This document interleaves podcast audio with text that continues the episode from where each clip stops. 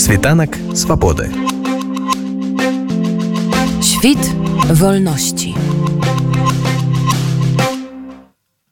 Хочу сказаць, што ў бліжэйшы час у нас распачынаецца чарговая хваля курса па радаводзе, якім чынам складаць, дзе шукаць звесткі.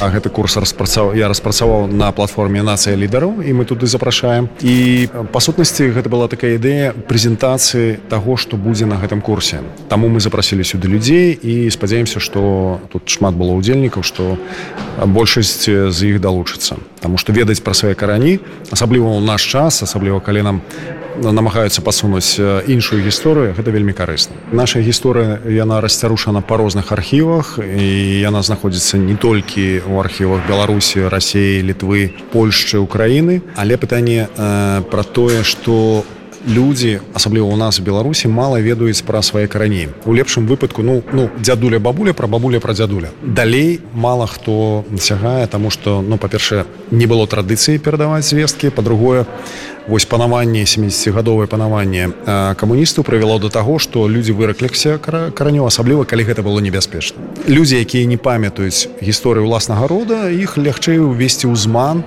у больш э, вялікай гісторыі да што вось нам зараз распавядаюць што беларусы украінцы і расейцы яны браты там тысячагоддзя і захад з намі ваяваў А калі ты бачыш гісторыю свайго рода, то ты бачыш, што гэта ўсё было інакш, што вораг прыйшоў крышку з іншага боку.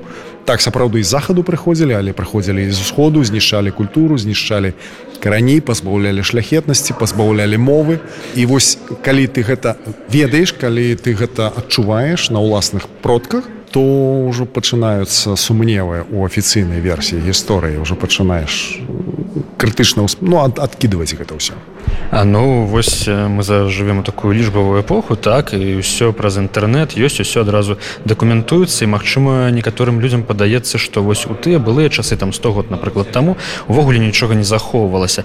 Ці гэта так? Вось калі у чалавека як вы кажаце амаль інфармацыі пра дзядоў там бабуль нічога больш няма наколькі рэальна сёння знайсці якую-небудзь інфармацыю? Ну пытанне якую інфармацыю чалавек шукае таму што інфармацыі можна знайсці розную напрыклад дзе працаваў дзе нарадзіўся нават просто выехаць на могілкі паглядзець что там напісана даты жыцця гэта ўжо таксама інфармацыя а тым больш калі жывуць яшчэ сваякі жывуць старэйшыя людзі з рода да вельмі варта з імі паразмаўляць таму што яны вам распавядуць дакладна альтэрнатыўную гісторыю. Яны распавядуць як яны бачылі. А гэта ўжо гэта мікрагісторыя да і яна можа цалкам супярэчыць афіцыйнай па-першае можна выкарыстаць сёння вялікую колькасць розных базаў дадзена это базы удзельнікаў другой сусветнай войны это базы рэпрасаваных базы першай сусветнай войны партызанскі рух напрыклад у беларусі таксама створаная база. Адтуль можна выцягваць інфармацыю прычым не толькі на наўпроставых сваякоў да але ну братоў дядзькаў цётак да таму што з гэтых звестак таксама можна вы, выцягнуць нешта карыснае для сябе ну і далей архівы з архівамі складання асабліва для тых хто сёння па-за межамі беларусі але ёсць людзі у которых напрыклад людзі ну там продкі служылі ў войску по польскім так?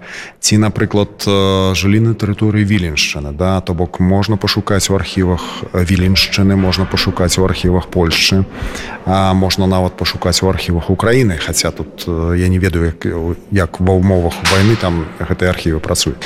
То бок можна ліставацца з архівамі да? Не абавязкова ехаць туды наўпрост.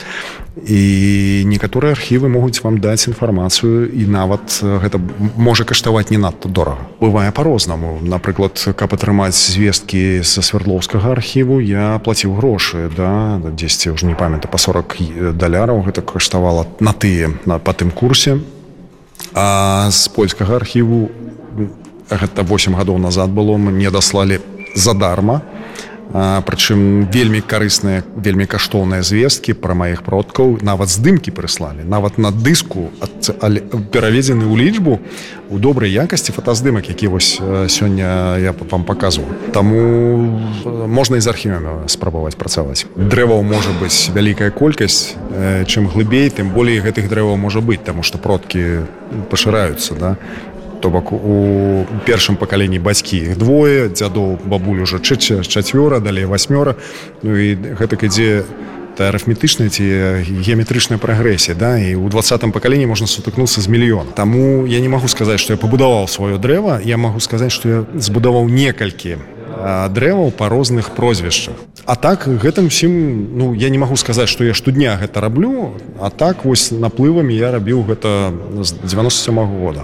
То бок уже колькі 26 гадоў. Сёння пануюць у беларусі бальшавікі якія працягваюць знішчаць культуру якія працягваюць знішчаць э, нацыянальную гісторыю перапісваюць под вялікага маскоўскага брата які нам насамрэч не быў братам. У гэтым сэнсе я антысаветчык да. працягваючы гэтую тэму вы сёння казалі пра тое што э, калі вы шукалі па архівах э, яны поўны час былі ў беларусі адчыненыя а потым іх закрылі і вось вы казалі што менавіта з той прычыны што людзі з'язджаюць за мяжу.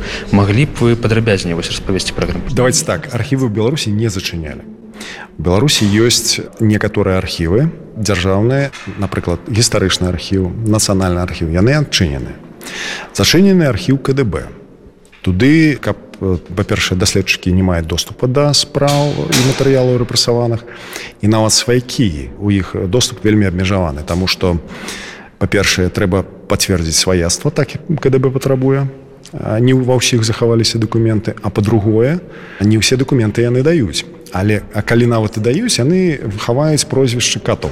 Я не ведаю чаму але ў іх такая палітыка. І тое нават у КДБ некаторыя архівы напрыклад у, у гомелі я ведаю ён на, на просто адмаўляе па фармальных прычынах што у справы захоўваюцца звесткі пра трэцяй асобы. А што тычыцца вось той зачыненай базы рэпрасаваных пра которую я казаў гэта база неабгрунтавана рэпрасаваных жыхароў бСр грамадзянаў жыхароў 10 так я называется гэтая база стваралася па загадзе вярхоўнага савету на пачатку 90-х гадоў каб ушанаваць памяць неабгрунтавана рэпрасаваных архіў з тае пары амаль 30 больш за 30 год ён збіраў гэтыя звесткі. І гэтая база першапачаткова мусіла быць дасяжная усім хто толькі пажадае.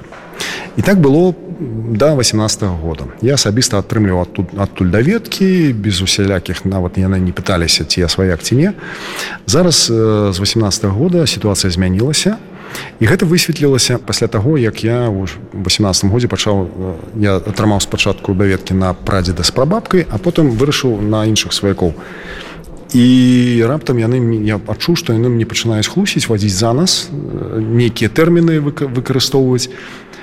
Як у тым анекдосе віні дай мне апельсин не апельсин это лимон дай мне лимон не лимон это мандарин дай мне мандарин ты сам не ведаеш что ты хочаш Вось вось такім чынам ставіўся у май у перапісцы нацыянальны архіў пакуль я не пайшоў судзіцца і у працэсе высветлілася это ўжо двадцаты год быў перад э, кампаніяй што сапраўды архіў схаваў гэтую базу і ён зрабіў яе для службовага карыстання дае маюць доступ там некалькі чалавек яны нават распрацавалі адмысловую паперку прынеслі яго суд.